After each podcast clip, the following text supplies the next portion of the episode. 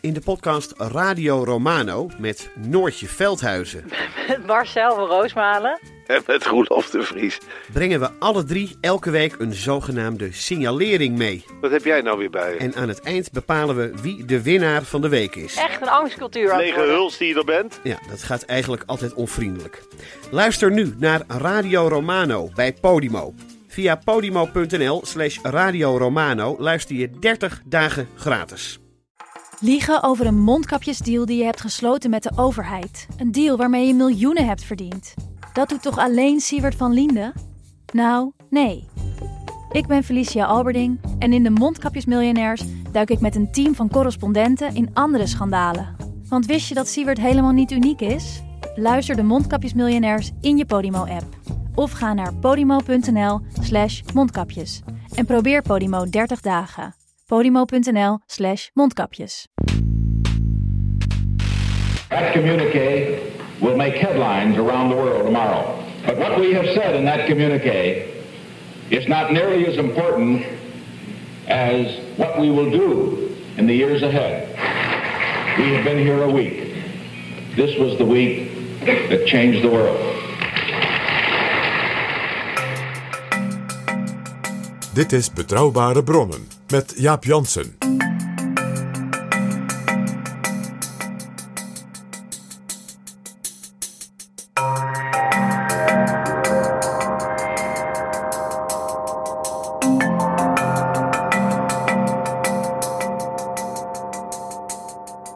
Hallo, welkom in Betrouwbare Bronnen, aflevering 250. En welkom ook PG. Dag Jaap, 250.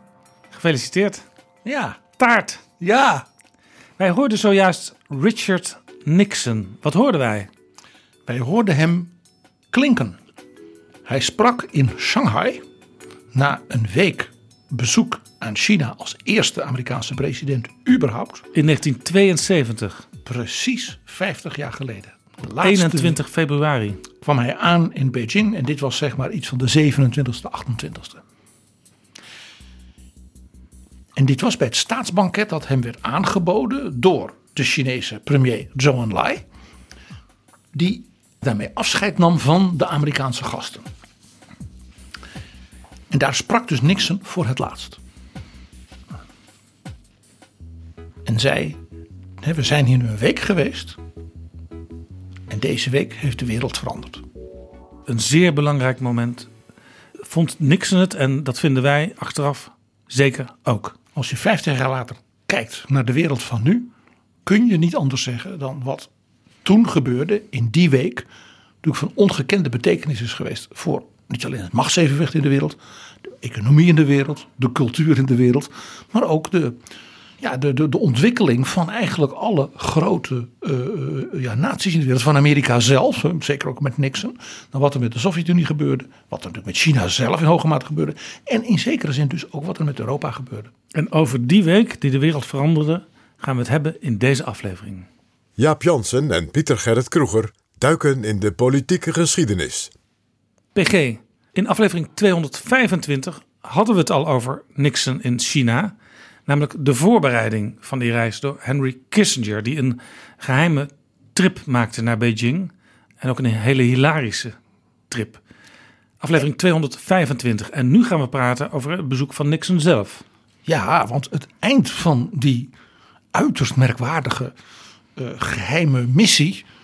Hij had zogenaamd buikgriep eh, in, een, in, een, in een resort in de bergen even van, van Kashmir in Pakistan. Maar dat was Hij had dus niet een zo. cover-up, omdat niemand mocht weten wat hij werkelijk bekokstoofde, Henry Kissinger, daar in China. Niemand mocht het weten. Hè, dat prachtige verhaal, en dan stop ik ook met het herhalen Jaap. Dat prachtige verhaal dat Nixon dus zijn oude vriend William Rogers, de minister van Buitenlandse Zaken, bij zichzelf uitnodigt in zijn buitenhuis om te voorkomen dat die man, als het ware via de diplomatieke kanalen, erachter zou komen dat Kissinger in Beijing was. Zodat de president hem dat zelf vertelde van, weet jij William, waar Henry nu is? Ja. Die is in China. Nou, eh, zo begon het. Dat leidde dus tot een doorbraak. Dat was zo succesvol, dat, dat, dat voorbezoek van Henry Kissinger, dat Richard Nixon goesting kreeg om meteen zelf ook naar China te gaan. Dat is heel wezenlijk. Een gebruikelijke, ik zal maar zeggen, diplomatieke verkenning tussen landen die met elkaar in gesprek willen komen. En dan moet je bedenken, communistisch China, Red China en de Verenigde Staten erkenden elkaar niet, hadden geen enkele diplomatieke band, stonden op een bepaalde manier op voet van oorlog met elkaar, hadden in Korea zelfs ook ja, met elkaar gewoon oorlog gevoerd. Nou, dat China was bovendien het China waar de culturele revolutie, wat natuurlijk in feite een binnenlandse burgeroorlog was geweest, met miljoenen doden, net achter de rug was. Ja. Dus men wist op een bepaalde manier niets van elkaar. Kissinger gaat in de diepste geheim daarheen, komt terug met een soort aanbod van de Chinese leiding. Voor het her- herstellen en aanknopen voor het eerst sinds 1949 hè, van betrekkingen. En de president besluit dat hij dat gewoon rechtstreeks interpreteert als ik moet zelf naar Beijing en ik moet zelf met Mao Zedong een gesprek gaan voeren. ja. Uiterst gedurfd. Dus heel snel handelen, terwijl in de internationale diplomatie dingen normaal gesproken heel voorzichtig worden opgebouwd. En af en toe is een terugval. En uiteindelijk komt men waar men wil zijn. Maar Nixon dacht, het is nu of nooit. Zo is dat. En dat is dus uitermate gedurfd. En dat bepaalt natuurlijk ook die hele maanden tussen de terugkeer van Kissinger, het besluit van de president. Ik ga er zelf heen, natuurlijk met zijn staf en met Kissinger en eh, de hele Amerikaanse media. Daar gaan we het over hebben, want daar zitten geweldige verhalen in. En het moment dat hij dus aankomt daar in Beijing, dat was dus daar zat maar een paar maanden tussen. Het interessante was dat de Chinezen hadden gedacht van nou ja, dat duurt wel even. Bovendien, de president, dat wisten ze, gaat op bezoek in het Kremlin bij Leonid Brezhnev. Het eind van het voorjaar van 72. Als eerste Amerikaanse president in de geschiedenis. Dus ook dat was een belangrijk moment en een doorbraak. Dus de Chinezen gingen ervan uit dat Dat dat eerst zou gebeuren. ja, natuurlijk. Waarop Kissinger zei: Ja, u stelt nu voor ergens in juni, juli, maar dan moet hij naar de Republikeinse Conventie. Oh ja. Vanwege zijn herverkiezing. Waarop dus de Chinese premier onmiddellijk begreep. dat China dus nog een pluspunt voor de president kon regelen. Hij heeft een succes nodig. Dan komt hij toch gewoon in maart. Het werd dus zelfs de tweede helft februari. En waarom, Jaap, deed Nixon dat? Zo gedurfd. Daar had hij drie redenen voor. Ja, Nixon was natuurlijk ook al iemand die al eh, een groot deel van zijn leven had nagedacht over internationale betrekkingen. Ja, en hij was dus al een heel vroeg stadium ervan doordrongen geraakt. Overigens net als Kissinger als professor in Harvard en adviseur van allerlei politici.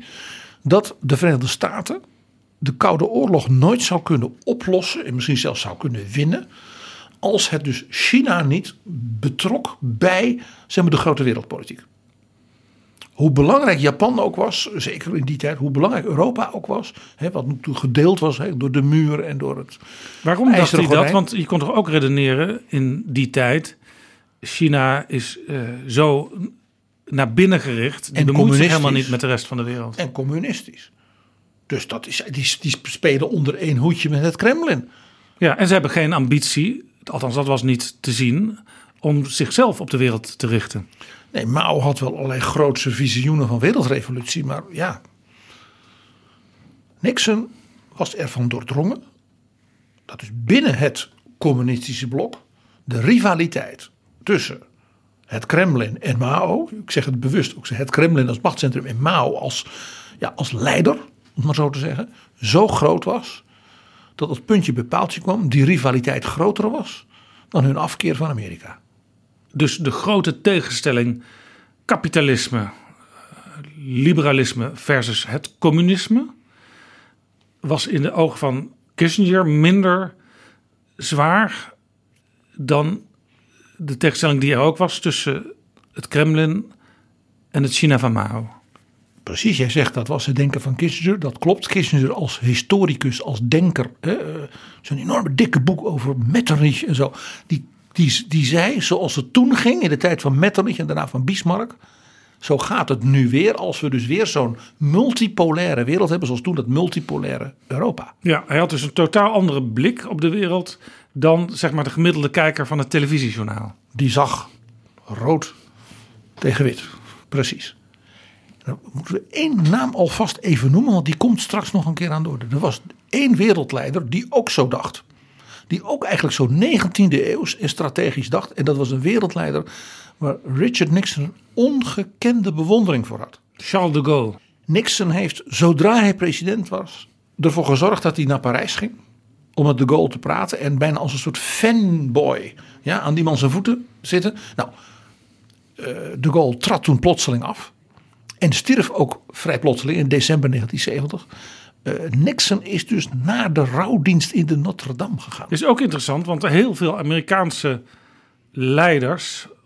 Die, die, die hebben juist een, een soort haat-liefdeverhouding met Frankrijk. In de zin van: uh, waarom marcheren we nooit gelijk op? En helemaal hadden ze dat met de Gaulle. Heel interessant. Nixon bewonderde de Gaulle precies dus hierom. Die strategische visie. En Kissinger, die als het ware ook vanuit dus die 19e eeuwse ja, multipolaire wereld van Europa toen dacht.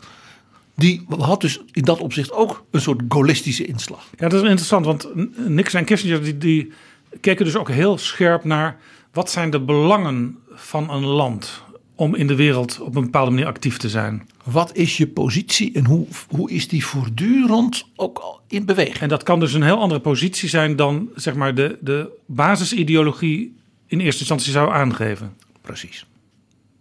Precies. Nou, de redenen voor Nixon om dus zo gedurfd te zijn. Ten eerste, all politics is local. Hè, dat is primater in een politiek, zijn herverkiezing. ja. Hij dacht, als ik in juli op de convention, ik geloof dat hij in Miami was, kom en ik ben daar de man die de deur heeft geopend naar China. De man die in het Kremlin is geweest en een akkoord over kernbewapening heeft gesloten met Brezhnev. En de man die zegt, we zijn nu, hè, eigenlijk bijna alle troepen zijn terug uit Vietnam gehaald. En we zijn met Hanoi in onderhandelingen en wij hopen op een vredesakkoord. Peace with honor. Nixons droom was in die verkiezingen in te gaan onder de leus de peacemaker. Dit is interessant, want vaak in de discussie in de Verenigde Staten als het gaat om America first en we moeten ons niet te veel met de rest van de wereld bemoeien, eh, dan wordt die uitspraak ook gedaan door een politicus die ook daadwerkelijk niet zo heel veel heeft met de rest van de wereld. Maar dit was dus anders, want Nixon, geholpen door eh, Kissinger, dat waren juist wel mensen die eh, een scherpe blik op de wereld hadden. Maar dat dus in deze omstandigheden konden verenigen met het belang wat ze aan de kiezers konden uitleggen van wereldvrede. Wat nou natuurlijk ook zou helpen dat niet al die zonen meer de wereld in moesten om voor Amerika en voor het kapitalisme te vechten. Dat en natuurlijk nog iets. De Amerikanen hadden natuurlijk die vorige verkiezingen nog op hun netvlies.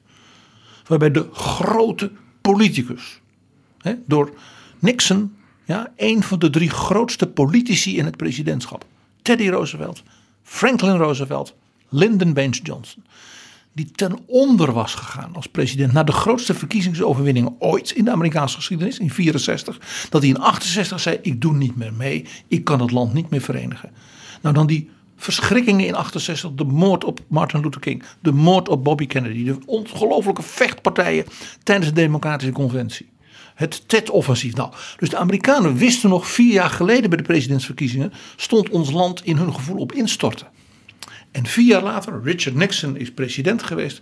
En die komt terug uit Beijing, uit Kremlin en zelfs vanuit Vietnam. met vredesbewegingen, vredesakkoorden, samenwerking. Uh, een eind aan die oorlog. Hè. Bijna geen Amerikaanse soldaten meer die daar ja. ter plekke vechten. En je zou kunnen zeggen dat het binnenlandse gedoe, de studenten die demonstreerden tegen het bewind van Nixon, dat was eigenlijk maar peanuts vergeleken bij wat hij uiteindelijk zou bereiken. Ja, hij ging zelfs zover door te zeggen: Ik heb gedaan wat die studenten wilden.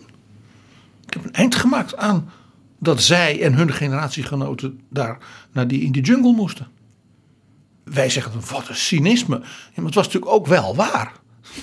ja. Nou, tweede belangrijke argument voor Nixon was natuurlijk een tactisch argument in dus die nieuwe multipolaire wereld. Waarom ging Nixon meteen naar China en pas daarna naar het Kremlin? En wat dus de Chinezen door hadden toen Kissinger dat in het gesprek liet vallen. Door in Beijing met Zhou Enlai en vooral natuurlijk met de oude Mao Zedong. als gelijken te praten. En hen dus ook als gelijken op het wereldtoneel te laten zien. Wat de Chinezen prachtig vonden. Zette natuurlijk een enorme druk op de rivaal in het Kremlin.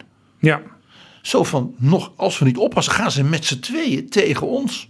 Want dat is natuurlijk een hele nieuwe machtsverhouding die je dan krijgt. Ineens kreeg de wereld, dat was ook dus het idee van Kissinger, vijf grote politiek, economisch, geopolitieke machtscentra.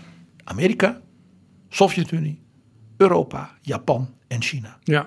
Dus dat was ook in het belang van China in een wereld waar iedereen bang was. In ieder geval de kapitalistische wereld was bang voor de Russen. Eh, dat China ook ineens een rol mocht spelen. En het was in het belang van Amerika eh, dat je de spanning een beetje verdeelde over de wereld. Ja, en daarmee het Kremlin dus kon dwingen concessies te doen in die wapenonderhandelingen over de kernraket. Ja, waardoor het ook logisch was dat Ch- China eerst kwam en daarna pas de reis naar Moskou. En er was natuurlijk een derde groot argument. Dat was natuurlijk Vietnam. Als de Amerikaanse president bij het afronden van die besprekingen. Hè, om tot vrede te komen, of tot wapenstilstand. En tot, ja, aan het regime in Hanoi. dus het communistische Noord-Vietnam. kon laten zien dat de president van Amerika achter hun rug. gesprekken voerde, zelfs overeenkomsten tekende met en communistische steunpilaar China. en nog grotere, ook militaire steunpilaar, het Kremlin. stond Hanoi dus geïsoleerd. Ja, want Hanoi voelde zich sterk, omdat het eh, zeg maar het, het focuspunt was van die grote tegenstelling communisme-kapitalisme. Maar Hanoi, de communisten in het noorden van Vietnam, waren eigenlijk niet meer nodig voor een gesprek over de toekomst. Ja. En ze kregen de wapens wel van de Sovjet-Unie. Maar voor de Sovjet-Unie was natuurlijk uiteindelijk een overeenkomst, een akkoord met de Verenigde Staten, toch belangrijker. En daarmee kon dus Nixon door op bezoek te gaan, eerst in Beijing en daarna in, op het Kremlin, dus ook nog weer die vredesonderhandelingen die dus Kissinger deed, ook alweer Kissinger deed, met de Vietnamezen onder druk zetten ten gunste van zijn eigen onderhandelingspositie. Dus je ziet, dit was behalve zeer gedurfd van de Amerikaanse president. Want stel je voor dat het allemaal niet was gelukt. Dan had hij natuurlijk voor aap gestaan als president. Volkomen mislukt. Als stratege en als diplomaat, om het zo te zeggen. Dit was echt, dit was spelen met een hele hoge inzet.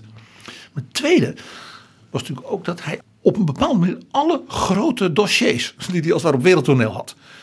De Koude Oorlog, de kernbewapening, eh, de oorlog in Vietnam, die kon hij dus het ware met een soort grand slam in één keer allemaal in dat half jaar voor de verkiezingen, rond die verkiezingen, voor elkaar krijgen. Ja, hij kon dus ook een, een president zijn daarmee, die al in zijn eerste periode de belangrijkste resultaten boekte.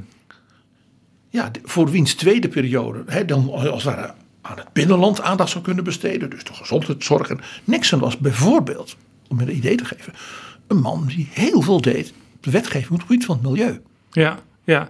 Dus hij was ook echt Ja. van plan. Hij, eh, Nixon, dat ken, wij kennen hem natuurlijk heel anders. Was een enorme idealist in dat opzicht. En die dacht ook, die tweede periode kan ik dus een aantal dingen doen. Eh, Op het gebied van het milieu, op het gebied van het bedrijfsleven, op het gebied van eh allerlei andere dingen.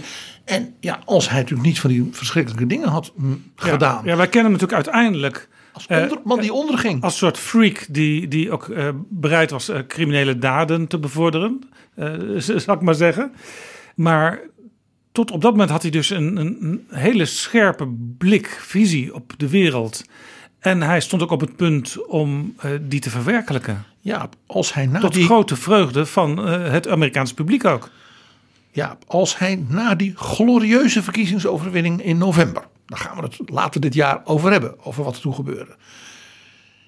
En hij had dan het jaar daarop, na de Yom Kippur-oorlog, dus die eerste vredesovereenkomsten, wapenstilstand en stappen gezet in het Midden-Oosten. En dat rare Watergate-gedoe, was, hij had dat niet gedaan. Of die stafmedewerkers had hij er meteen Dan uitgetrapt. was het een van de belangrijkste presidenten uit de geschiedenis ge- geworden. Dan hadden we nu het Richard Nixon monument op de Mol gehad. En Misschien zelfs wel in Nederland een monument voor Richard Nixon. Dan, dan, dan ga je wat. Dan ga je wat ver, ja. Nee. Er was dus nog een vierde reden. Want ik zei, dit waren de drie strategische redenen. Maar had ook nog een vierde, ze hebben meer persoonlijke reden. Nixon ging ervan uit, de enige die dit kan doen, dus te zeggen ik ga zelf naar Mao, ben ik Richard Nixon. Dat komt in het gesprek wat hij met Mao voert op een hele bijzondere manier aan de orde. Brezhnev kan niet zeggen, niks mee te maken, ik ga gewoon om de Amerikanen onder druk te zetten naar Mao. Hij zou niet eens binnengelaten worden, want hij had, zo vonden, dachten de Chinezen, geprobeerd Mao ten val te brengen met een soort kop. Een half jaar Ja, daarvoor. er was veel wantrouwen tussen de Chinezen en de Russen. Dat was een grensoorlog geweest met honderdduizenden soldaten. Mao zelf kon dit ook niet. Ten eerste was hij natuurlijk heel oud. En ten tweede, ja, China was natuurlijk ook door die culturele revolutie intern natuurlijk eh, in grote problemen geweest. Ook economisch Ja. en volkomen geïsoleerd. Dus de enige die dat kon op dat moment was Richard Nixon. Ja. En dat zou hem natuurlijk de sleutelfiguur maken van ja, het nieuwe machtsevenwicht in de wereld. ja, het is eigenlijk de- de- alle logica op zijn kop wat hier gebeurde, zou je zeggen. Ja, en tegelijkertijd Als je Ja. het achteraf bekijkt, klopt het allemaal. Dit is Betrouwbare Bronnen. Kissinger die was dus al geweest in Beijing. En dat was allemaal goed verlopen. I have always found in dealing with the Chinese that complete frankness is the better course, since they're probably smarter than we are anyway. En Nixon die wilde heel snel ook gaan. Hoe, hoe bereidde Nixon zich daarop voor? op drie manieren. Grappig genoeg, dan zie je dus de, de, ja, de, nieuwe, de nieuwe tijd ook komen. Van de massademocratie. De, dat was de televisie. Eerste wat er gebeurde was dat er vanuit het Witte Huis een soort stafvoorbereidingsgesprekken werden gehouden in Beijing. Over het programma van de president. Wij komen zo laat aan en wat gebeurt er dan? En dat moest allemaal worden afgestemd op de televisie, live momenten voor de Amerikanen. En er zat 13 uur verschil tussen Beijing en Amerika. Dus dat alles moest zo worden gedaan dat dingen live konden worden uitgezonden. In China op een heel laat moment op de dag. Ja, of op een ander moment van de dag dat bijvoorbeeld s'avonds was. De aankomst van eh, Nixon in Beijing was om op half elf s'avonds in het weekend. Dus heel Amerika zat voor de televisie. Dus de chefstaf van het Witte Huis en met name de man die dus de, zeg maar, de visuals en de PR en zo van de president deed, Bob Haldeman, die ging dus overleg voeren met de Chinezen. Onder andere over eh, hoe kunnen we dat organiseren. Hoe... Nou, toen bleek dus dat de staatstelevisie van China natuurlijk niet beschikte over moderne, high-tech, eh, live tv-dingen. Want ja, het was ook een propagandamachine. Nou, vooral niets live moest, alles moest natuurlijk worden geëdit en eh, zoals Ja, al wilde. wel satellietverbindingen? Nee. dus toen hebben de, eh, eh, eh, de Amerikaanse networks via Holdeman aangeboden aan China. Wij bouwen in China een eh, ontvangst- en zendstation. Zodat alles rechtstreeks kan worden geleverd. En dat betalen we zelf. Want ze gingen ervan uit dat ze dus uit reclameinkomsten. natuurlijk zoveel zouden gaan verdienen bij die uitzendingen uit China. Wat was de reactie van de Chinezen hierop? Die zeiden dat vinden wij buitengewoon eh waarderen we dat.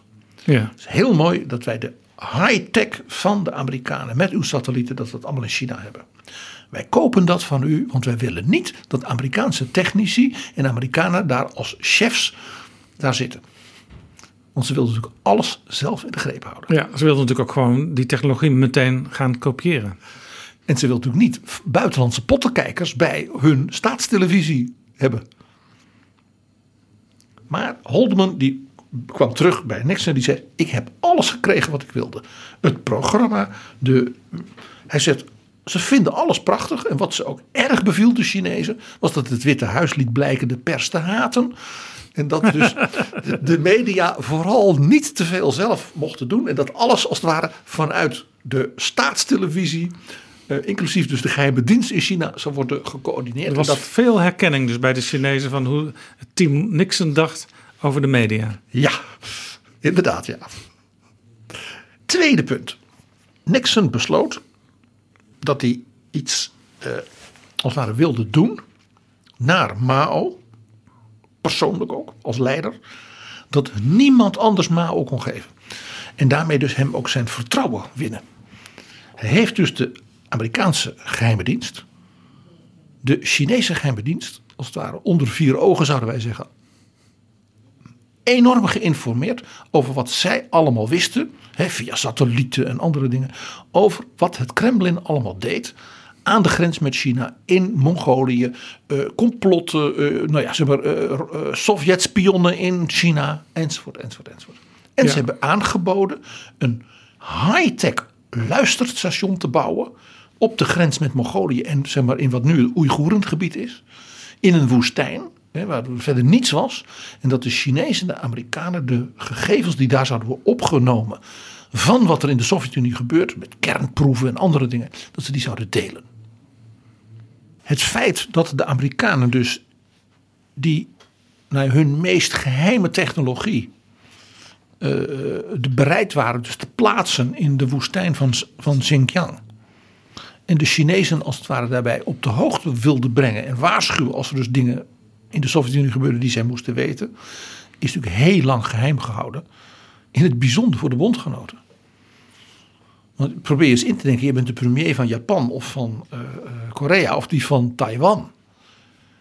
En je hoort van de Amerikanen, oh ja, by the way, eh, we, we delen tegenwoordig al onze geheimen met... ja, Maar het was dus ook voor Japan wisten ze ook niet alles wat Nee, de Amerikanen nee. over de Sovjet-Unie wisten via die informatievergaring. Nee, sowieso niet. Maar dat men dus met een land dat men dus niet erkend had al die tijd, hè, communistisch China, zo ver bereid was te gaan, was dus een signaal van Nixon aan de Chinese leiding en zeker ook aan Mao persoonlijk. Van als wij elkaar begrijpen en wij snappen dat we er beide belang bij hebben. Ja, met die nieuwe multipolaire wereld. En dan ja, dat Amerika en China als het ware samen optrekken. Dan bewijs ik dat op die manier dat ik te vertrouwen ben. Wisten in die tijd de belangrijkste senatoren dit wel? Nee. Want de Senaat gaat in de Verenigde Staten over de nationale veiligheid. Nee, dat is, geheim, is echt geheim gebleven. Derde voorbereiding van de president op zijn natuurlijk ongelooflijk spannende avontuur was natuurlijk inhoudelijk. Eh, dus ga in de Nixon-bibliotheek, dan zie je dus Nixon heeft het zogenaamde yellow pads, waar hij altijd op, op zat te schrijven met een pen. Aantekeningen aan aanleiding van gesprekken die hij voerde met experts, natuurlijk met eh, de buitenlandse zaken, met defensie, met China. Yellow pads, wat zijn dat? Ja, ge- gele, papier, ge- gele v- flapsen. Die, zijn, die moesten natuurlijk hè, allemaal bewaard worden. Hè, anders dan bij Trump werden die niet in stukjes gescheurd. Waardoor we dus weten ja, hoe intens hij zich heeft voorbereid. Waarbij we ook weten dat eh, het ministerie van Buitenlandse Zaken, het State Department, overal buiten gelaten werd. Ja, dat is vaker voorgekomen in de geschiedenis. Ja, maar dit is wel een van de meest eh, eh, even hilarische als ook wel ja, ja eigenlijk kan niet, zal ik maar zeggen, Ja. onbeschoft. Want we moeten hier even, nog even de aantekening maken. Henry Kissinger was toen geen minister van Buitenlandse Zaken. Hij was, adviseur nationale veiligheid. van het Witte Huis en was dus een ambtenaar van het Witte Huis. Was dus geen minister, kon dus niet namens Amerika spreken. Zeker. Geen Amerikaan wist wie die Kissinger was. Zeker. dat hij ook nog nooit op de ik- tv was ik geweest. stip, stip het even aan, omdat natuurlijk mensen altijd denken nu, achteraf gezien, Kissinger de minister van Buitenlandse Zaken. Alle, alle dagen op de televisie. Ja. Nee dus. En daarbij werden dus ook allemaal mensen die heel veel van China wisten en ook in China waren geweest uitgenodigd. Onder wie bijvoorbeeld Mao's oude vriend, de zeer linkse journalist Edgar Snow van het beroemde boek Red Star over China, Oh ja. over de jonge Mao. Die heeft, is dus geraadpleegd door de president. Maar zijn meest bijzondere gesprekspartner was de Franse schrijver, romancier André Malraux. André Malraux is ook een eh, vriend van Charles de Gaulle. En dat was dus ook de verbintenis. De bewondering dus voor de Gaulle en zijn denken. Die dus net dood was op dat moment. Die hij dus niet kon raadplegen. Die, dat werd als het ware nou ja, gesublimeerd door diens literaire vriend André Malraux uit te nodigen. Die in de tijd van de Gaulle al die jaren minister van Cultuur was geweest. Ja, En die dus ook een boek had geschreven, anti-memoires, dus anti-memoires. eh, over dus ja, zijn leven. En dus ook in zijn revolutionaire jeugd zijn bezoek aan China. En daarbij de communisten dus had meegewerkt. Hij werd later onder uh, Mal, met Malraux, dus onder de Gaulle, een Gaullist. Maar jong was hij een revolutionaire uh, auteur. Ja, dus André Malraux, oud cultuurminister, die, dat was een van de mensen die door Nixon geraadpleegd Die werd dus uitgenodigd op Witte Huis.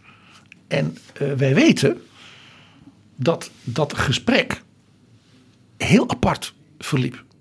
Oh ja? Ja, want Malraux die moest toegeven dat hij door zijn ja, werk als minister van Cultuur. En ja, hij was natuurlijk nu ook nog al een paar jaar, als het ware nu de Gaulle dood was. Hè, de Gaulle is in 79 uh, afgetreden. Was hij geen minister meer. En was, wist dus eigenlijk niet zo heel veel over het actuele China. Dat was een beetje een tegenvaller. Dus Kissinger zegt ook in zijn memoires: ja, dat gesprek dat ging dus volstrekt de mist in, in het begin.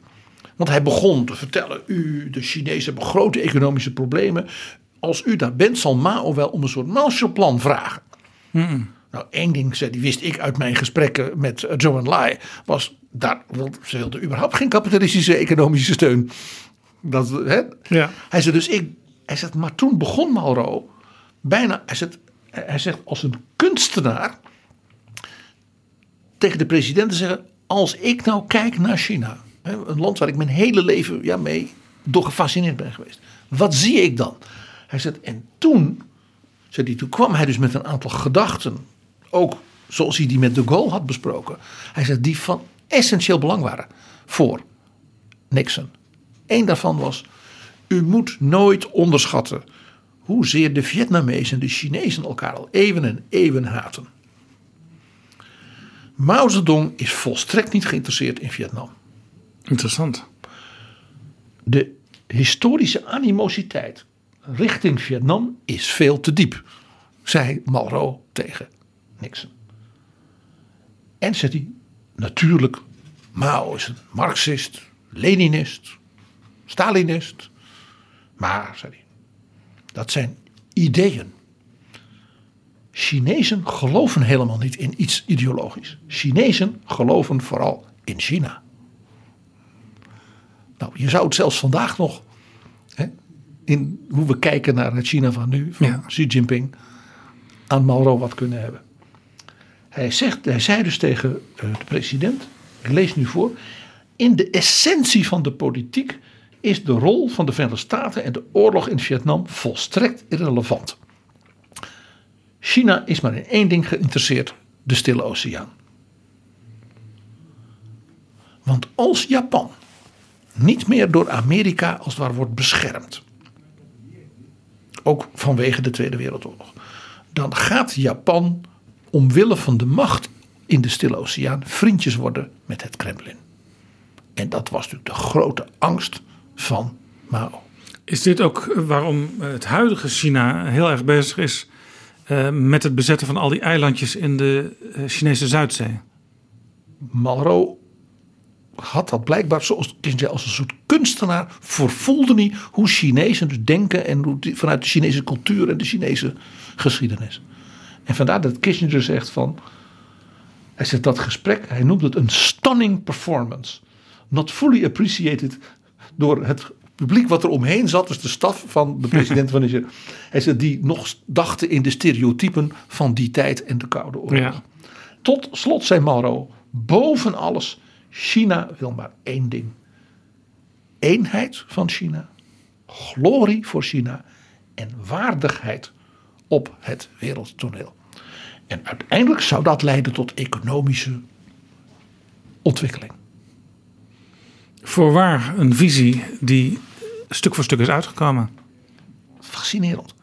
Er was nog één reden, Jaap, een kleine binnenlandse reden, waarom Nixon zo hechtte aan een gesprek met André Malraux. Een binnenlands-Amerikaanse reden. Ja. Nixon was geobsedeerd door JFK.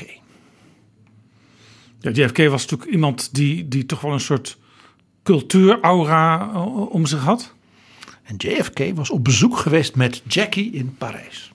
En André Malraux had Jackie overal in Parijs begeleid. In het Louvre en dit en dat. En toen heeft uh, Jack Kennedy zo prachtig gezegd van... Mag ik me even voorstellen, ik ben Jack Kennedy. de man die Jackie heeft begeleid, vergezeld om voor haar reis naar Parijs. Geweldig. Wat de Gaulle ook heel erg leuk vond. En toen heeft hebben de Kennedys iets geregeld. Het Louvre zou worden gerestaureerd van binnen. En toen is André Malraux met de Mona Lisa naar Washington gekomen. Zodat de Amerikanen in het museum in Washington de Mona Lisa konden bekijken. De mensen stonden natuurlijk in tienduizenden in de rijen. De cultuurminister neemt een schilderij mee. De vriend van de Gaulle. Ja, een schilderij neemt hij mee. Ja.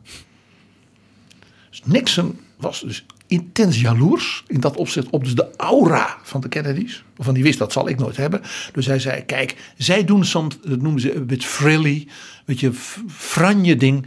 Ik praat met Malraux.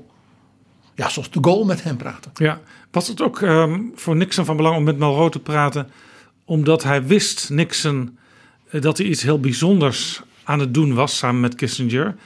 En dat het ook uh, mooi ingekaderd zou moeten worden in, in hoe, hoe er later ook over uh, die hele missie gesproken zou worden. Ja, het zette het natuurlijk op een soort voetstuk van niet alleen ja, wereldpolitiek en visie, maar ook bijna een soort profetische grote denkers, grote schrijvers. Ja, tuurlijk.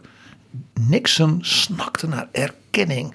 En Nixon was natuurlijk een man die door zijn jeugd en ja, uh, natuurlijk een, in zichzelf had opgewerkt uit armoede en niks. En die Kennedys die altijd maar rijk, ja, en altijd maar knappe mensen, mooie vrouw.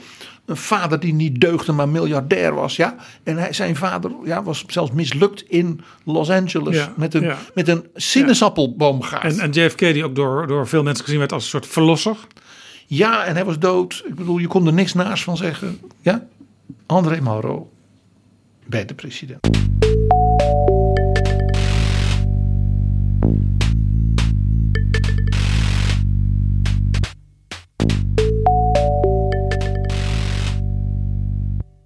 PG.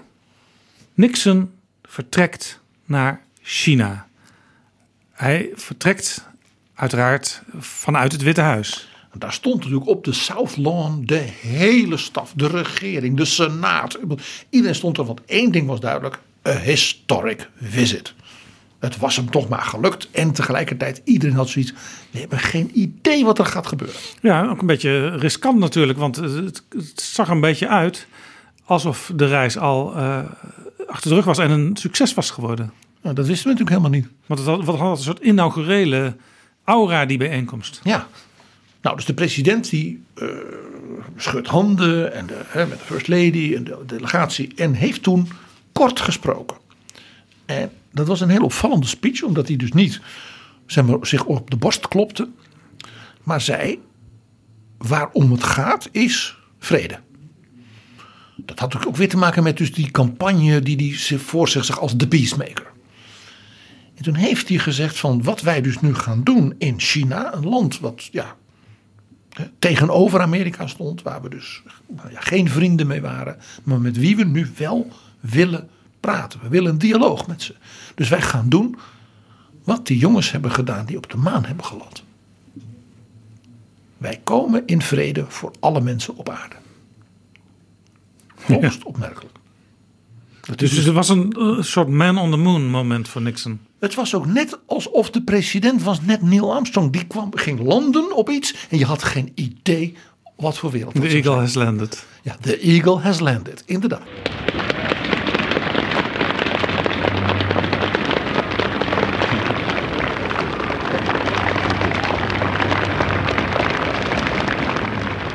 Hmm.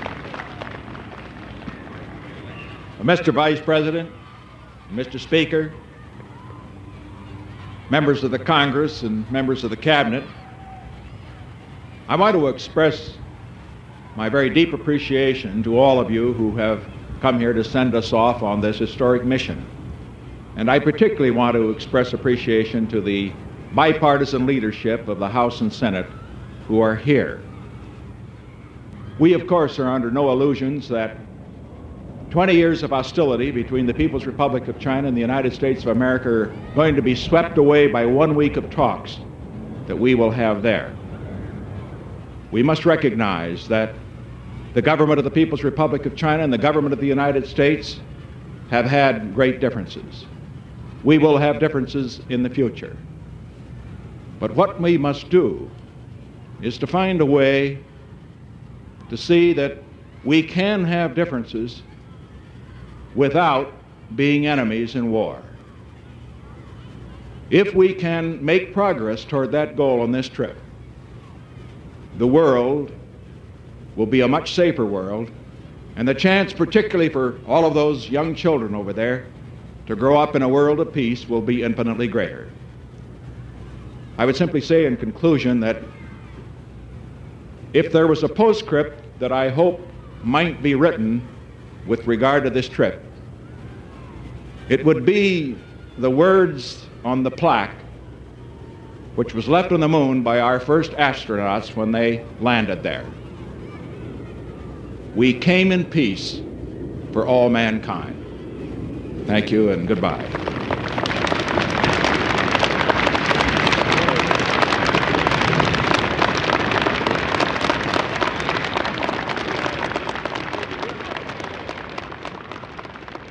Daarbij speelde natuurlijk nog iets. Nixon had natuurlijk een achterban in zijn Republikeinse partij. En die waren natuurlijk fel anticommunistisch. Ook door Nixon zelf. Red China was een obsessie. Ook omdat in 1949 natuurlijk het communisme had gewonnen. Plotseling was hun idee. En ze hadden toch die mevrouw Chiang Kai-shek, die toch zo goed Amerikaans was en Engels sprak en zo, voor de democratie en de vrijheid was, Ja. verjaagd naar dat eilandje Taiwan. Niks eh, slechters dat een, een politicus of een journalist daarvan beschuldigd werd eh, communist te zijn of banden met het communisme te hebben. Er was een enorme heksenjacht eh, geweest. Ja, en hij was toen zelf een jong senator. En een enorme anticommunist natuurlijk. Daarbij kwam natuurlijk het laatste wat men in de pers nog had gezien over China, was die culturele revolutie. Die rode brigades die dan met dat boekje zwaaiden en die mensen die dan allemaal werden vervolgd en de verhalen over miljoenen doden en een soort burgeroorlog. Dus het idee dat hun, Richard Nixon, die communistenvreter, nu ineens naar die Mao ging.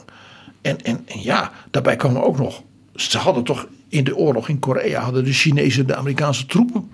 En het tweede punt was, die peacemaker als imago was natuurlijk belangrijk. Maar ook naar die achterban, maar ook bijvoorbeeld naar het Kremlin, dus naar anderen in de wereld, mocht het ook niet een soft soort imago peacemaker zijn. Eh, hij moest eh, niet de indruk wekken dat hij als het ware kwam smeken. Eerst bij Mao en daarna bij Brezhnev. Om help ons nou dat Vietnam uit. Peace with honor moest het zijn. Niet peace with eh, disgrace. En ja, bondgenoten als Japan en Korea en Taiwan. Ja, die moest je natuurlijk niet te veel chockeren. Door met ja, China, wat zij natuurlijk als een grote bedreiging zagen. Ja. eh, ineens vriendjes te worden. Dus die hele, dat hele gebeuren was dus uitermate complex. En zelfs dus dat imago van de peacemaker, dat moest hij dus nog zo ja, gradueren dat het hem niet tegen hem ging werken. En zo vertrok Richard Nixon dus naar dat onbekende land als, was, als ware hij de Neil Armstrong van de wereldpolitiek. En kwam aan na een tussenstop in Hawaii en Guam, vanwege de jetlag en zo. In Beijing, natuurlijk primetime televisie, hè, dat was zo mooi van tevoren allemaal besproken. En nu horen we opera Jaap. Wat horen we? Wij horen de scène dat Richard Nixon aankomt in Beijing en premier Zhou Enlai begroet in de opera van John Adams, Nixon in China.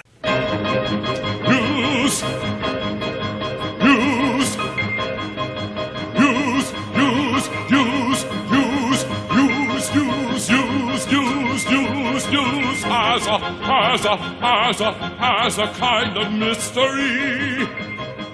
As a, as a, as a kind of mystery. When I shook hands, when I shook hands with Joe and Lai, when I shook hands with Joe and Lai, on this bare field outside Peking, just now the whole world was listening. I, the whole world was listening. Listening, listening. And though he. Spoke quietly, and though he. Spoke quietly, and though he. Spoke quietly, the eyes and ears of history. History, history, caught every jester. Caught every jester, caught every jester and every word. Stands forming us as we transfixed. The deputy transforming us as we transfixed. The minister transforming us as we transfixed. Made history, history, as we made history. Dat was een fragment uit Nixon in China, de opera. De ontmoeting tussen Nixon en premier Chu Enlai. Waarbij dus Nixon tegen zijn staf twee dingen had gezegd. Eén, jullie blijven in het vliegtuig. We lopen dus niet als een enorme hoeveelheid mensen eh, die trap af. Ik loop als enige met Pat, de first lady, die trap af. Ja, wat op zichzelf al een opera-scène is. Het is dan ook een geweldige opera-scène. En die ansenering.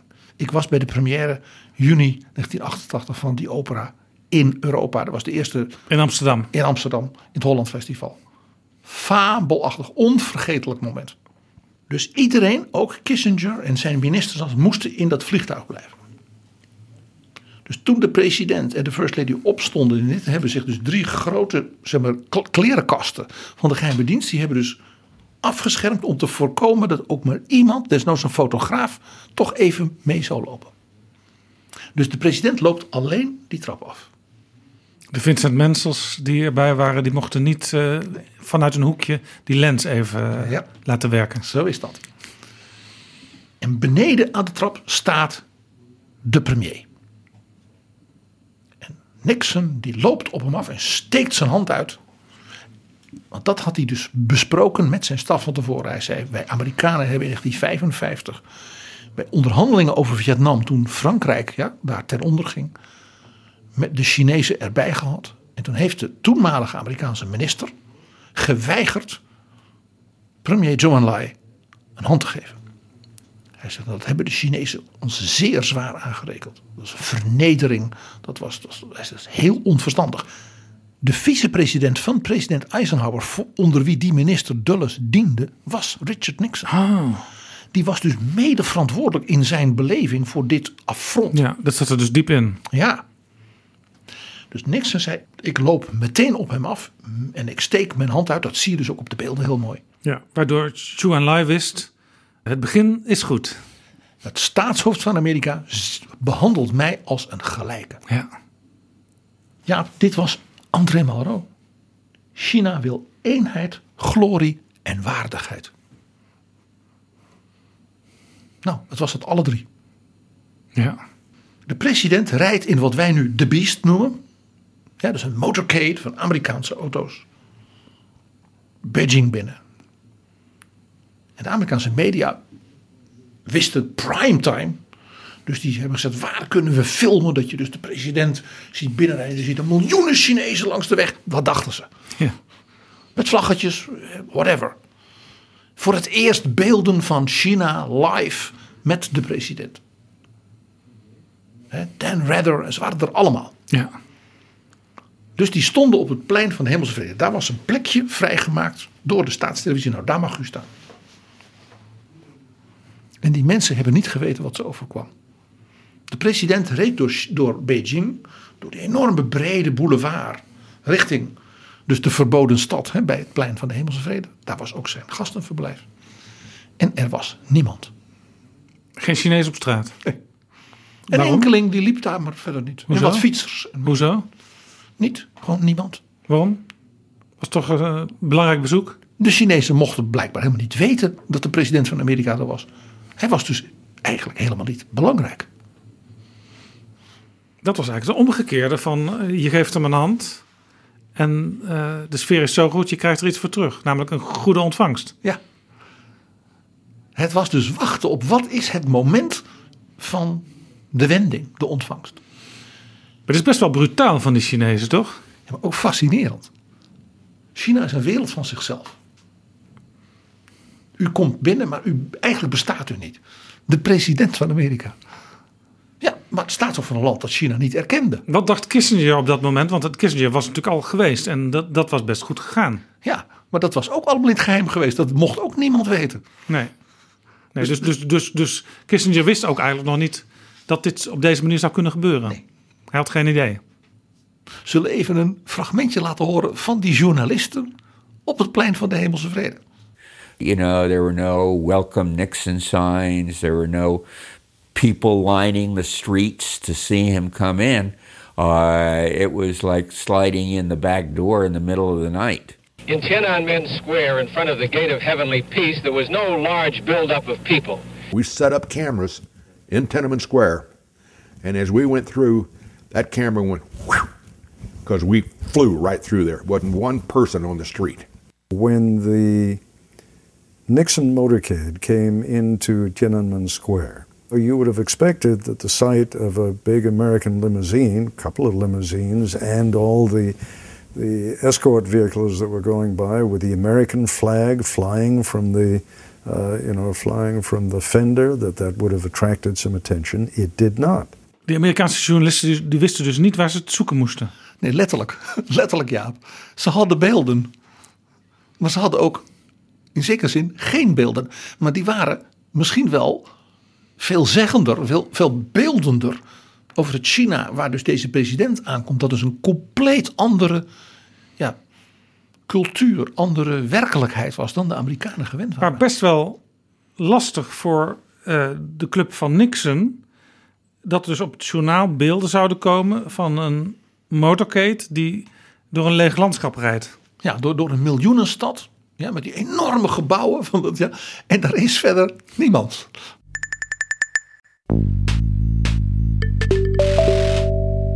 Dit is Betrouwbare Bronnen. Een podcast met betrouwbare bronnen. Nixon komt aan in de verboden stad. In een soort... Uh, aan een, een, klein meertje. Daar waren twee verblijven. Dat was een verblijf voor de president ja. en zijn staf. De verboden stad was natuurlijk van, van de keizers. Ja. Uh, letterlijk een verboden stad in die tijd. Maar uh, de communisten hadden die plek ook ingenomen. Ja. Ook, ook, vanuit daar werd ook het communistische China bestuurd. Daar vergaderde het politbureau. Daar woonden ook de belangrijkste leiders in. Dus de vroegere paleisjes van prinsen en prinsessen. En, en edelieden en mandarijnen. Dus daar was ook een, van zo'n prins een buitenverblijf aan een meertje. Want het is allemaal prachtige landschappen zijn. Het is heel groot. En Kissinger vertelt, er waren twee gebouwtjes. En het ene was ook het grote prinselijke paleisje. Dat was voor de president en zijn staf. Dus ook voor Kissinger. En het tweede, wat kleinere, minder luxe, was voor de minister van Buitenlandse Zaken en zijn staf. En de Chinese uh, bewakers, die hadden een soort scherm aangebouwd. Tussen dus die mensen konden niet met elkaar praten. en dat vond Kissinger natuurlijk heel erg. Ja. ja. Ze, worden maar niet daar, heus. ja, ze worden daar ontvangen. De president komt daar. En wie is daar? Premier Zhou Enlai. Ja, die die net al een hand had gegeven op het vliegveld. Dus die ontvangt hem daar in de verboden stad, waar hij natuurlijk ook zijn kantoor en, en alles heeft, namens dus de leiding van China. En er is nog iemand bij, en dat is Maarschalk J. Daar heb je het al eerder een keer over gehad. Maarschalk J was de man, zeg maar de chef van het Rode Leger, die met Zhou Enlai had gezegd: wij moeten die culturele revolutie beëindigen. Het Rode Leger neemt als het ware de macht weer over. Maar we houden Mao als het ware in stand. En die had dus gezorgd ook dat die koep van Mao's beoogde opvolger Lin Biao. Dus werd onthuld en dat Lin Biao ja. werd doodgeschoten. Dus in vliegtuig. Die was, die was de machtigste man in China. Ja. En dat was die oude maarschalk die Kissinger had meegenomen naar zijn vliegtuig in Beijing. Toen hij na de gesprekken in het geheim dus terug zou vliegen naar Amerika. Ja, aflevering 225. Dat hij zei dat hij zei, ik was een jong officier in de, bij de grote lange mars. En zie, meneer Dr. Kissinger, waar wij nu samen staan. Die maarschalk was er ook bij. En dat was dus een verbinding ook dus met de gesprekken met Kissinger. Maar dus ook de Amerikaanse president werd dus ook door het Rode Leger. En de partij en de staatsleiding in de persoon van Zhou Enlai dus ontvangen. Dit was dus ook voor Kissinger een goed teken dat deze Maarschalk J er weer bij was. Dat was een, dit duidde dus op een volstrekte eensgezindheid van de Chinese top. Dus in de vorm ook weer van een vriendelijke ontvangst, natuurlijk jasmijnthee, ja, werd dus een ongelooflijk belangrijk politiek signaal gegeven, wat ook kenmerkend is voor dit soort bezoeken. Ja, ja. Alles heeft betekenis. Ja. Nou hadden ze natuurlijk Mao nog niet ontmoet. Nee. Want ja, hoe, hoe zou Mao zijn? Ja, en, en überhaupt, eh, die, was no- die was eigenlijk onzichtbaar. Nou, ze drinken een kopje thee en eh, Nixon die denkt, ja, ik wil me even eh, een schoon overhemd aandoen. En we moeten even ons ja, inrichten in dat gastenverblijf. Had Kissinger deze keer zelf wel eh, een nieuwe overhemden meegenomen? De, de, de overhemden waren dit keer wel zoals het moest, Jaap. Oké. Dit voor de luisteraar, voor, de mensen, voor degene die die vorige editie nog niet hadden geluisterd. Luister 225. En terwijl ze dus eigenlijk bezig zijn uit te pakken, verschijnt ineens premier Zhou Enlai en zegt tegen Kissinger: eh, De voorzitter wil de president nu ontvangen. Dat is snel. Na 20 minuten. Meestal gebeurt dat pas de volgende dag. Of aan het eind. Als je eh, de akkoorden zijn ja, bereikt. Ja, ja, het staatshoofd. Ja. Dus eh, Kissinger vertelt, en Nixon ook vertelt, dat hij letterlijk zijn, zijn, zijn, zijn, zijn, zijn nog niet schone hemd uit zijn broek hing. Dat hij heel snel zich heeft omgekleed. En ja, de auto's van de Chinese geheime dienst natuurlijk. Dit was niet de beest. Die stond te wachten. En eh Kissinger heeft dus gezegd tegen de president: eh, nou ja, Mr. President, u gaat. Hij zegt: ik ga. En ja, er moet iemand mee, ja, als een soort noodtaker. Ja. En toen heeft hij dus zijn Chinees sprekende rechterhand en adviseur, een hele jonge diplomaat, Winston Lord, op het laatste moment gezegd: jij gaat mee. Waarheen? Naar Mao. dus die zijn in die auto gestapt en die werden dus door de verboden stad gereden naar een ander gedeelte. Ja. En daar bleek dus het, ja, het, het, het woonhuis en het werkkantoor van de partijleider te zijn, de grote roerganger. Je hoort dus wat ik zei, de minister van Buitenlandse Zaken, Rogers, Die achter dat scherm zat. wist van niets. nou, ze komen binnen, worden een paar gangetjes geleid. En Kissinger ziet iets heel geks in het gangetje naast wat dan de, het werkvertrek van Mao bleek te zijn. Ook een pingpongtafel. En Kissinger vertelde in zijn memoires dat hij dat achteraf pas noteerde. Ja, de pingpongdiplomatie. Juist. Dus zij worden binnengeleid en daar zit Mao in een eh, een soort crapeau-stoel. En er stonden er ook een aantal klaar. Met allemaal boeken en tijdschriften en papieren op de grond. Hij zei de kamer van een geleerde. Natuurlijk jasmijnthee. En eh, drie jonge vrouwen waarvan er twee optraden als soort tolk. Zo bleek. Maar die moesten ook Mao helpen. Want Mao, zo merkte ze, kon niet meer staan. En ook niet meer uit die stoel zelf opkomen. Eigenlijk ook niet meer lopen. Het was duidelijk dat Mao, eh, laat ik zeggen, fysiek eh, zeer was aangeslagen. Hij had dus in het half jaar daarvoor een aantal TIA's gehad. Hij was ook bijna 80. Het eerste wat Mao zegt tegen Nixon is: Ik kan niet meer goed praten. Zeer open dus was ja, hij. maar ook tragisch, aangrijpend. Ja, je bent, een, je bent de dichter Mao, de, de, de, de, de, de, de onderwijzer Mao, de leraar van het volk. De man die dus met de president van Amerika, jouw belangrijkste ja, opponent, maar nu ook partner op het wereldtoneel, wil praten. En je zegt dan, ik kan niet meer goed praten. Nou, de president gaat zitten en uh, Kissinger gaat zitten en Winston Lord ook op het hoekje. En John Lai was er natuurlijk bij. En er ontspon zich dus een fascinerend gesprek. Waarbij de, eh, Nixon dacht van ik moet een aantal onderwerpen eh, natuurlijk eh, even ja, aanstippen. Een soort agenda Ja, een soort hoofdlijnnotitie. Ja, ja, het kabinet Mao 4. Ja. En Mao die mm, knikt zo met zijn hoofd.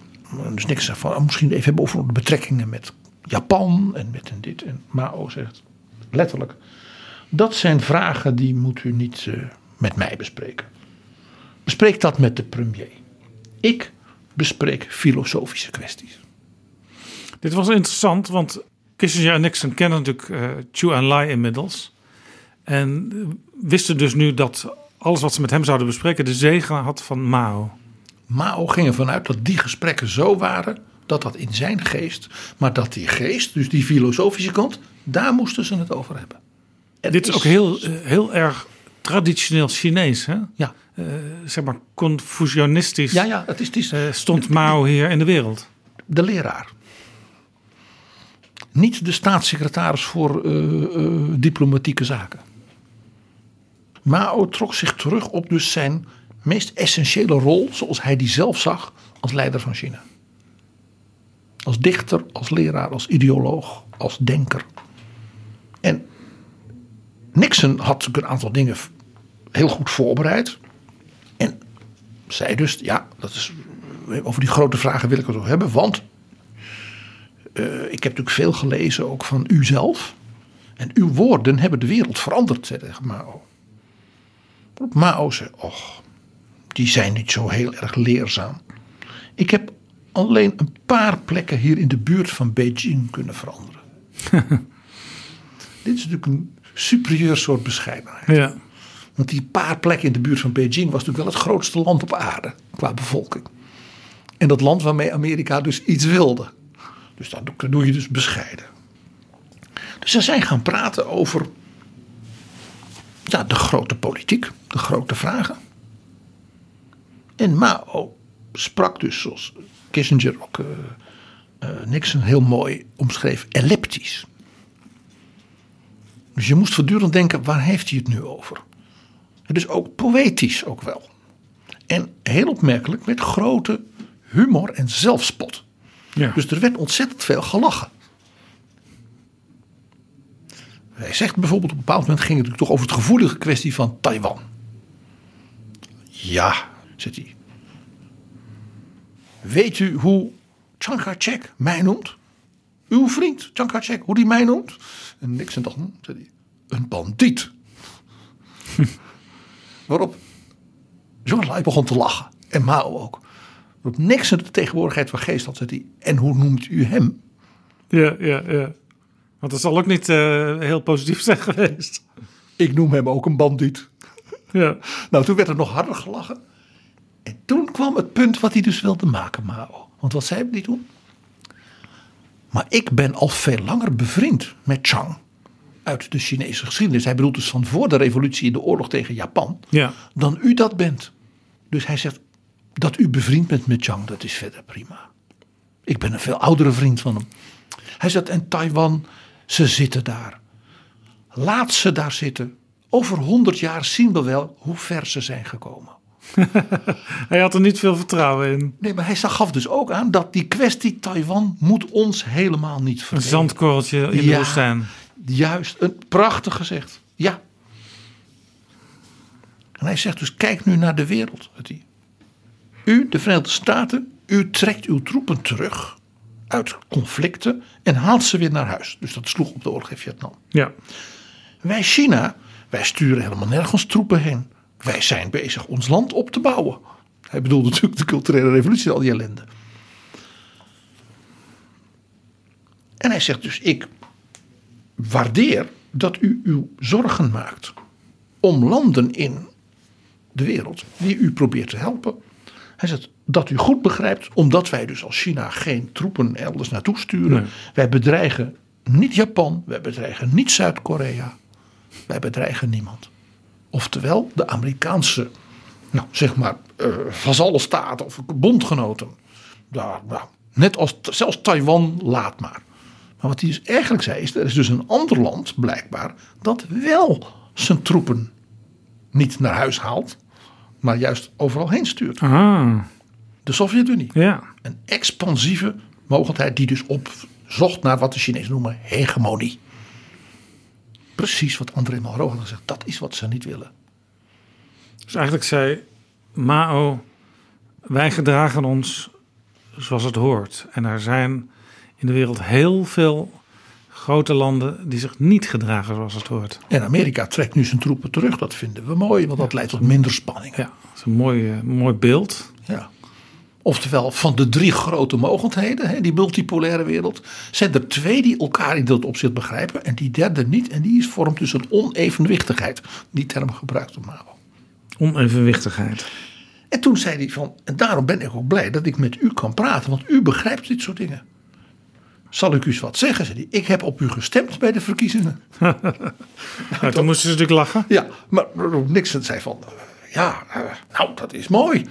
Maar eh, ja, zei Mao, want ik heb liever een president met wie ik dus kan praten. Met wie ik dus ook dingen kan doen. Hij zegt, en uw partij, hè, dus uw republikeinen, uw manier van denken, die ken ik. Hij zei zelfs, ik heb uw boek Six Crisis gelezen. Dat is een goed boek. Maar zeiden ze ook, ook ik ben geen democraat. Nee, dat zou ook ik ben- I'm not a democrat. I'm not a democrat. Nee. nee. En waarop eh, Nixon dus zei van, de voorzitter leest te veel boeken. En zei hij, kijk, uw partij en vanuit u heeft altijd gezegd, ja, eh, samenwerking met China. eh, Er is geen enkel contact tussen onze volkeren. Dat kwam natuurlijk door de, de ideologische tegenstellingen, de oorlogssituatie in Korea en alles. Dus dat wordt niks op die manier. Je kunt niet met een land samen als er geen contact is. En Mao dat, was natuurlijk altijd door de Chinezen beschouwd als een smoes. Hè, zo, net zoals we kritiek op de mensenrechten, dat is een smoes om ons onder druk te zetten. Ja. En Mao zei toen tegen Nixon, daar heb ik over nagedacht. En toen zag ik dat u gelijk had daarmee. Dat als er zulke verbintenissen niet zijn, dan kun je ook niet praten. En daarom zijn we toen pingpong gaan spelen. En Kissinger beschrijft in zijn memoires dat hij dus pas achteraf begreep waarom die pingpongtafel daar stond. Want die man kon helemaal niet meer lopen. Nee. Alsof hij elke ochtend aan het pingpongen was. Dus Mao gaf dus aan, ik wil een relatie met de president van Amerika. Die zo denkt. Ik ben bereid die verbintenissen te leggen. Hè? We gingen pingpong spelen. We gaan dus uitwisseling doen. We gaan, ja? Dat kan dus. Daar ben ik dus toe bereid als Mao. Ondanks de ideologische tegenstellingen. Als u bereid bent ons als het ware te aanvaarden als een partner op het wereldtoneel. En dat is dat punt natuurlijk weer van Malraux. Ze willen dignité. Ze willen waardigheid. Ja. Ja. Hij gaf dus aan. Ik wil een relatie op basis dat we elkaars positie en elkaars belangen op het wereldtoneel accepteren. Ik erken dat u zo bent. Dit sloot dus helemaal aan bij wat Kissinger in zijn voorbereidende reis al had begrepen. Het sloot ook precies aan op waar Nixon naar op zoek was. Maar het feit dat Mao zegt: Ik heb uw boek Six Crisis gelezen. Een boek over zijn periode als vicepresident. En zijn, hoe hij als jong politicus heel, heel snel heel op, hoog opkwam. Bedoeld ook als boek voor zijn hopelijke toen presidentsverkiezingen in Ja. 1960. Ja. Dat was zij ook zoiets. Ik zie u dus als een gelijk. Want hè, Mao presenteert zich natuurlijk als denker, als schrijver, als dichter. Als... Ik zie u dus ook als schrijver. Heel verfijnd, heel Ja, subtiel. Vandaar dat ehm, hij hen ook ontving in die kamer vol boeken. En ik zag er zo'n foto en in al die boeken zaten ook overal briefjes en zo. Dus in, het moest echt uitstralen. Ik heb alles gelezen en eh, als het goed is ook alles doorgrond. U moet met mij niet praten over al die kleine landjes. U praat over de filosofische vraagstukken. Ja, en het gewone, gewone werk, dat laat ik graag aan Chu Enlai over. En toen kwam. Ja, ja, ik begin te lachen. Er gebeurde er iets zo merkwaardigs. Die gelijke posities. En dat je van het verschillende ideeën elkaar wel nou ja, erkent. Dat was natuurlijk het punt. Dignité, zoals uh, Malraux zo mooi had gezegd. Meneer Nixon, ze zeggen dat u rechts bent. Dat de Republikeinse partij van u, dat die aan de rechterkant staat in de politiek. Trouwens ook dat premier Edward Heath, die was dus net op bezoek geweest, ook nogal van de rechterkant is. Maar ik ben relatief gelukkig als zulke mensen van rechts aan de macht komen. Want? Ja, dat was natuurlijk. Waarop Nixon goed dus voorbereid begreep wat hij nu moest zeggen. Zei die kijk, zei hij, ja, hè, Mr. Chairman, dat klopt. Wij zijn conservatieven. En van daaruit voeren wij politiek. Maar als mensen vanuit de meer conservatieve vleugel in de politiek kunnen wij vaak dingen gewoon doen, realiseren, waar men aan de linkerzijde vooral graag veel over praat. Ja, ja. Dus het pragmatisme van Nixon was waarop Mao dacht: met jou kan ik dealen. Ja, ja. Ik heb daar bij politicologie, waar ik in de jaren tachtig studeerde, eh, toen ook al wel boeken over gelezen, dat het vaak zo gaat. Hè? Eh, De democraten die willen van alles en de republikeinen die slagen er dan in om het te realiseren in de wereldpolitiek. Kissinger schrijft op bladzijde 1061 van zijn memoires over dit gesprek. Hij zegt die gelaagdheid van dus de thema's die aan de orde waren in zo'n gesprek met Mao. Hij zegt, die kwamen dus terug in de gesprekken daarna. En daarom was dus dat eerste gesprek met hem, begrepen wij toen. In onze gesprekken met Zhou Enlai, met de Chinese. En Zhou Enlai legde dan ook uit, de chairman zei niet voor niets. In feite was het filosofisch kader was neergezet en binnen dat raamwerk vonden de vervolggesprekken plaats. Kissinger zegt, de manier waarop Mao dus praatte en onderwerp aan de orde stelde, dat was net de ouverture van een opera van Wagner. Waarin alle thema's als het ware wel als leidmotief aan de orde kwamen. Maar je pas in de loop van de opera begon te begrijpen wat dat muziekfragment bedoelde.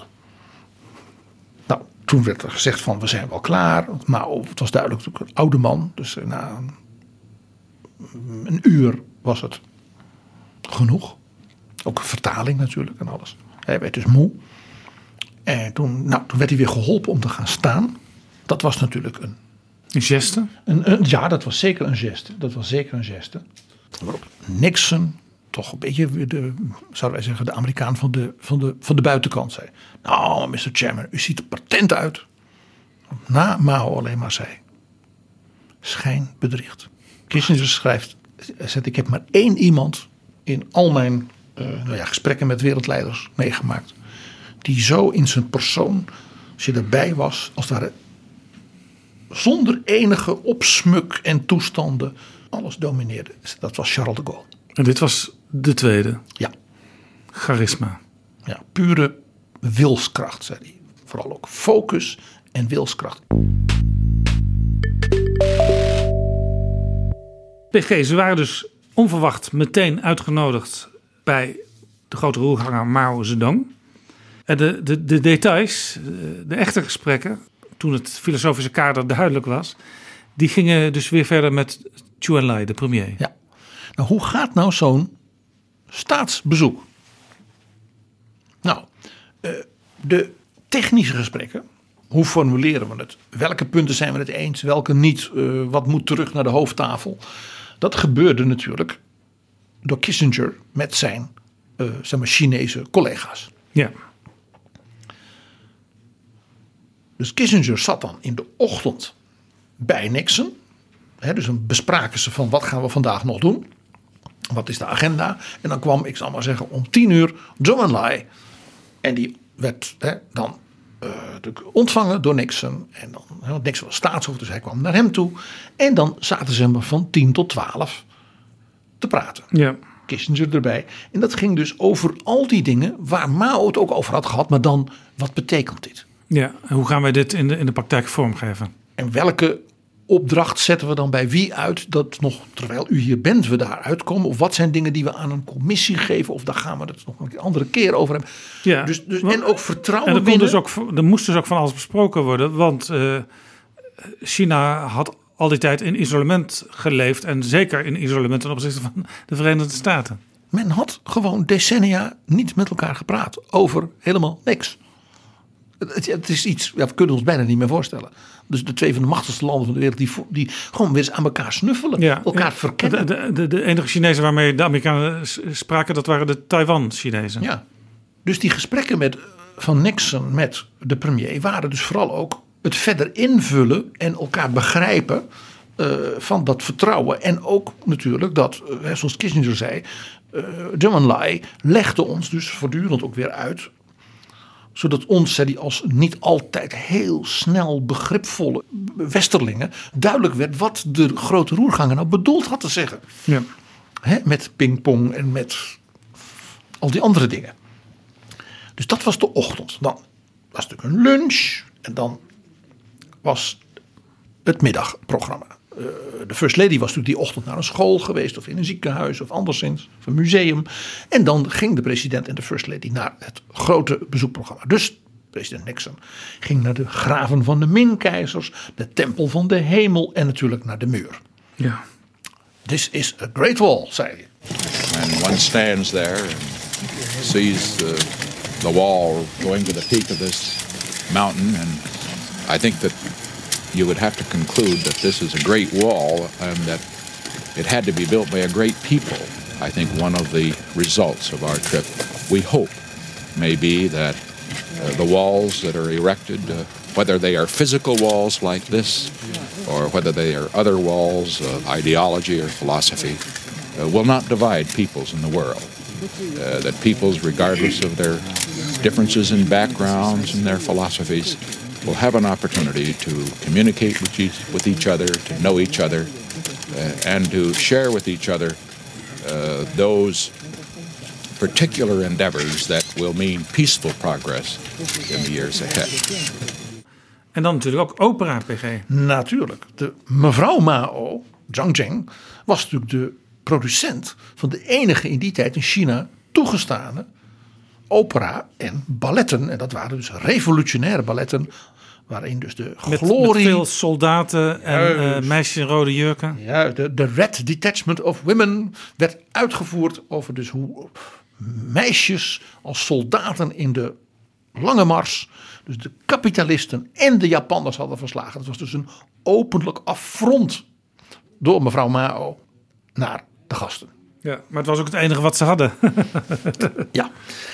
Uh, uh, het was ook heel duidelijk dat Joe en Lai zichtbaar zich zat te vervelen. En ook vooral lachte om alle foute grapjes die Nixon en Kissinger maakten. Ja, uh, Joe en Lai had natuurlijk al, al die opera waarschijnlijk honderd keer gezien. En vond het nog steeds helemaal niks. Ja. Ja. Nou, s'avonds was natuurlijk dan de grote banketten. Dus een banket van de Chinese regering aan de Amerikanen aangeboden. De Amerikanen tegenbanket aan de Chinezen. Met dus uh, muziek.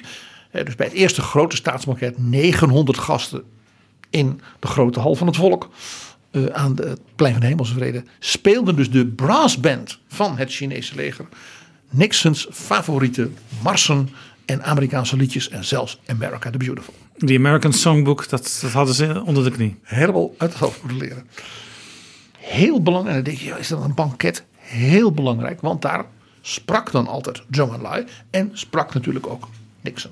En de toon, de woorden, de kleine zinnetjes, de verwijzingen naar Mao ook zetten hun stempel weer op die besprekingen in de dagen ja. eromheen. Laten we even luisteren hoe dat klonk. The Chinese people are a great people. The American people are a great people. We have at times in the past been enemies. We have great differences today. What brings us together is that we have common interests which transcend those differences. Zo gaat dat dus bij zo'n banket, de, de wederzijdse toespraken? Ja, bij dat eerste staatsbanket was dat dus een heel bijzonder moment. Ook gefilmd, dus dat was allemaal live op de televisie. Dat na de toast John en Lai van het uh, podium afliep. En daar stond dus een, een ober klaar met een bordje. En daarop een klein glaasje Mao Tai. Dat hele, hele, hele sterke Chinese drank. En daarmee liep hij naar de president en zij klonken. En daarna naar Pat Nixon en daarna naar minister Rogers natuurlijk. Ja, en, en Kissinger. Kissinger. En hij gaf ze dus allemaal een persoonlijke heilwens en een vriendelijk woord. En, dit, en dat was heel ongebruikelijk. Heel persoonlijk. Ja, dus er werd ineens een hele persoonlijke touch gevonden. Door de belangrijkste Chinees na Mao. Dus dat ook dit was weer helemaal dus in lijn met Mao. Ja, maar het werd dus ook een heel succesvolle visite. Het werd een heel succesvolle visite. Uh, de president nam natuurlijk, uh, want dat kreeg hij mee ter herinnering, een fles van die Mao Tai. Wat echt verschrikkelijk is. uh, mee. En toen heeft hij terug in het Witte Huis aan zijn dochter Tricia en de staf gezegd van ja, dat spul is zo verschrikkelijk sterk. En het verhaal gaat dat als je er een lucifer bij houdt, dan vliegt het in de brand. Ja. En wat doet Nixon, die beroemd was om zijn onhandigheid, die heeft dus uh, van dat spul uitgeschonken in een soort op schoteltje. En een lucifer bij gedaan. En toen bleek hij dus gemorst te hebben. Dus die hele tafel die ging in. en, en, en, zoals Kissinger beschrijft van de Nixon administration had dus als niet de, zeg maar, de brandweer van het Witte Huis snel had ingegrepen. Een eerder en tragisch einde gekregen. En onverwacht. Hij bedoelt hiermee natuurlijk ook een beetje ondeugend wat er daarna met Watergate gebeurde. PG, dit was het bezoek van Nixon aan China je kunt wel zeggen dat was het hoogtepunt van de Nixon-jaren. Ja, uh, het was van zeg maar de, de dingen die we als het ware in terugblik, hè, nu precies 50 jaar later, ons herinneren. Is het van de, de grote zeg maar, politieke, ook wereldpolitieke punten, natuurlijk echt een van de absolute ja, unieke momenten van de naoorlogse jaren. Het, het was inderdaad de week die de wereld veranderde in dat opzicht had. Natuurlijk was het een beetje een hyperbol. En natuurlijk was het bedoeld ook voor de Amerikaanse media. Hè, dat hè, bij zijn laatste heilwens hè, in Shanghai dat hij dat zei. Maar ja, hij mocht dat eigenlijk ook wel zeggen. Ja. Alle lof dus voor Richard Milhouse Nixon.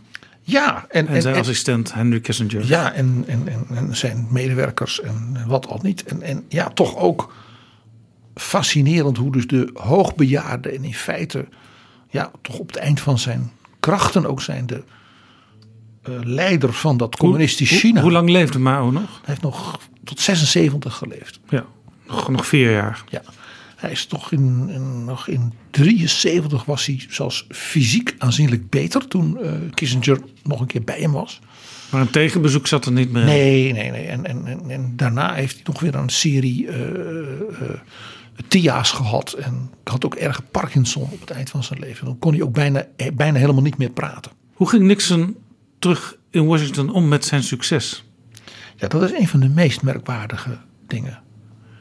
Uh, Nixon was iemand die op een bepaalde manier heel ja, vol complexen zat van zijn eigen onzekerheden. Ja, hij was ook paranoia. Ja, een beetje wel. Ja, maar dat, is, dat geldt voor meer politici. Um, uh, Kissinger vertelt, dat is echt een dramatisch gedeelte in die memoires, dat als ze dan terugkomen, dat Nixon dus opnieuw, want dat had hij eerder gemerkt, niet om kon gaan met dat succes. Dan werd hij dus argwanend door. Angstig zelfs, en onzeker. Hè? Krijg ik wel de credits die ik verdien? Nixon begon Kissinger er zelfs een beetje van te verdenken dat hij dus in de pers en bij senatoren en uh, diners met zeg maar, de elite van Washington zat te vertellen wat hij, Kissinger, allemaal had gedaan zodat de president toch zo'n mooi succesje kon boeken. Ja. Terwijl Kissinger zei, natuurlijk vertelde ik verhalen over wat we beleefd hadden. Hij zei, maar er was natuurlijk geen twijfel, zei hij ook bij mij niet, dat zonder een president die zo bold, hè, zo gedurfd durfde zijn, en inderdaad zich door zo'n man als Malraux laat voeden, visionair, we dat nooit hadden kunnen doen. Nee. Hij zei, maar, Alleen op de een of andere manier had Nixon niet zeg maar dat evenwicht, dat mentale evenwicht, om alles in het juiste perspectief te zien. Nou ja, hij, hij was voortdurend dus argwanend. En dat ging dus zo ver dat op een bepaald moment, en dan hebben we het over 14 maart, dus dan zijn ze eigenlijk twee weken terug. Je zou denken, de president ja, die doet ererondes in de media. Alle, alle tijdschriften in de wereld hadden Nixon met, met Mao op de omslag. die journalisten die allemaal in China waren geweest. Hele documentaires met alles wat ze hadden beleefd. Ja, de Spiegel, Elsevier, noem, noem, alle bladen maar op. Iedereen.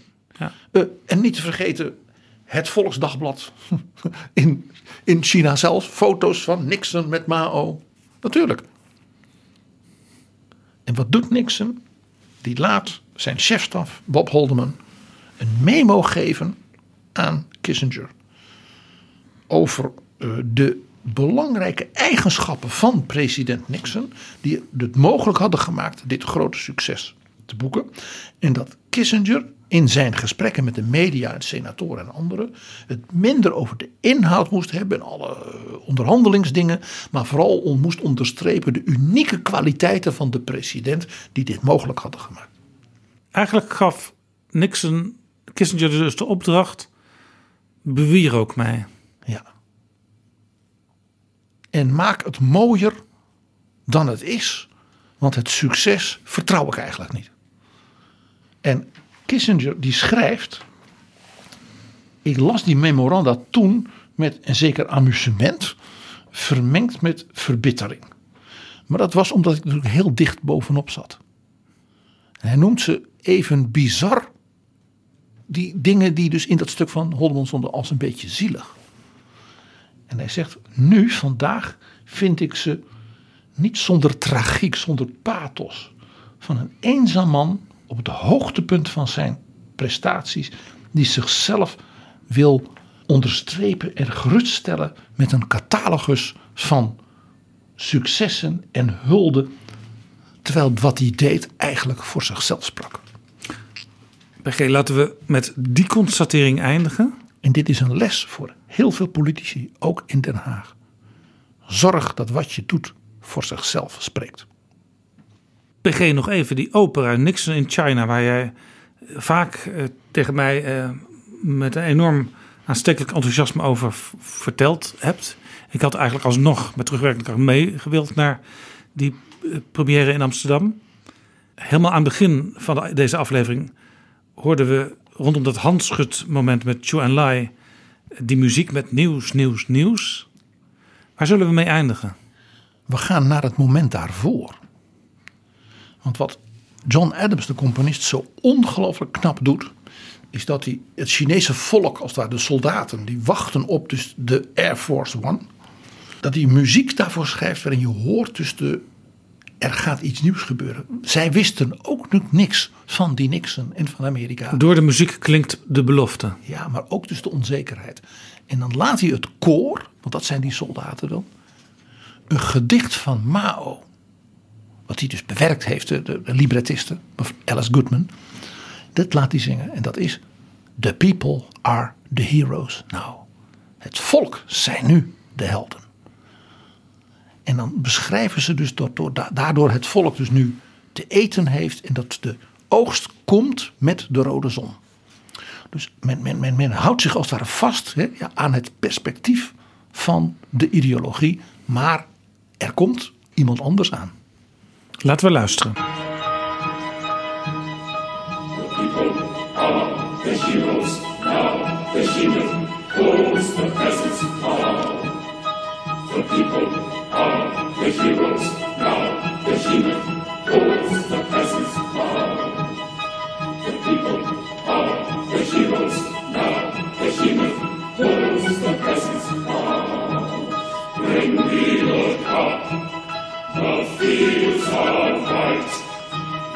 the fields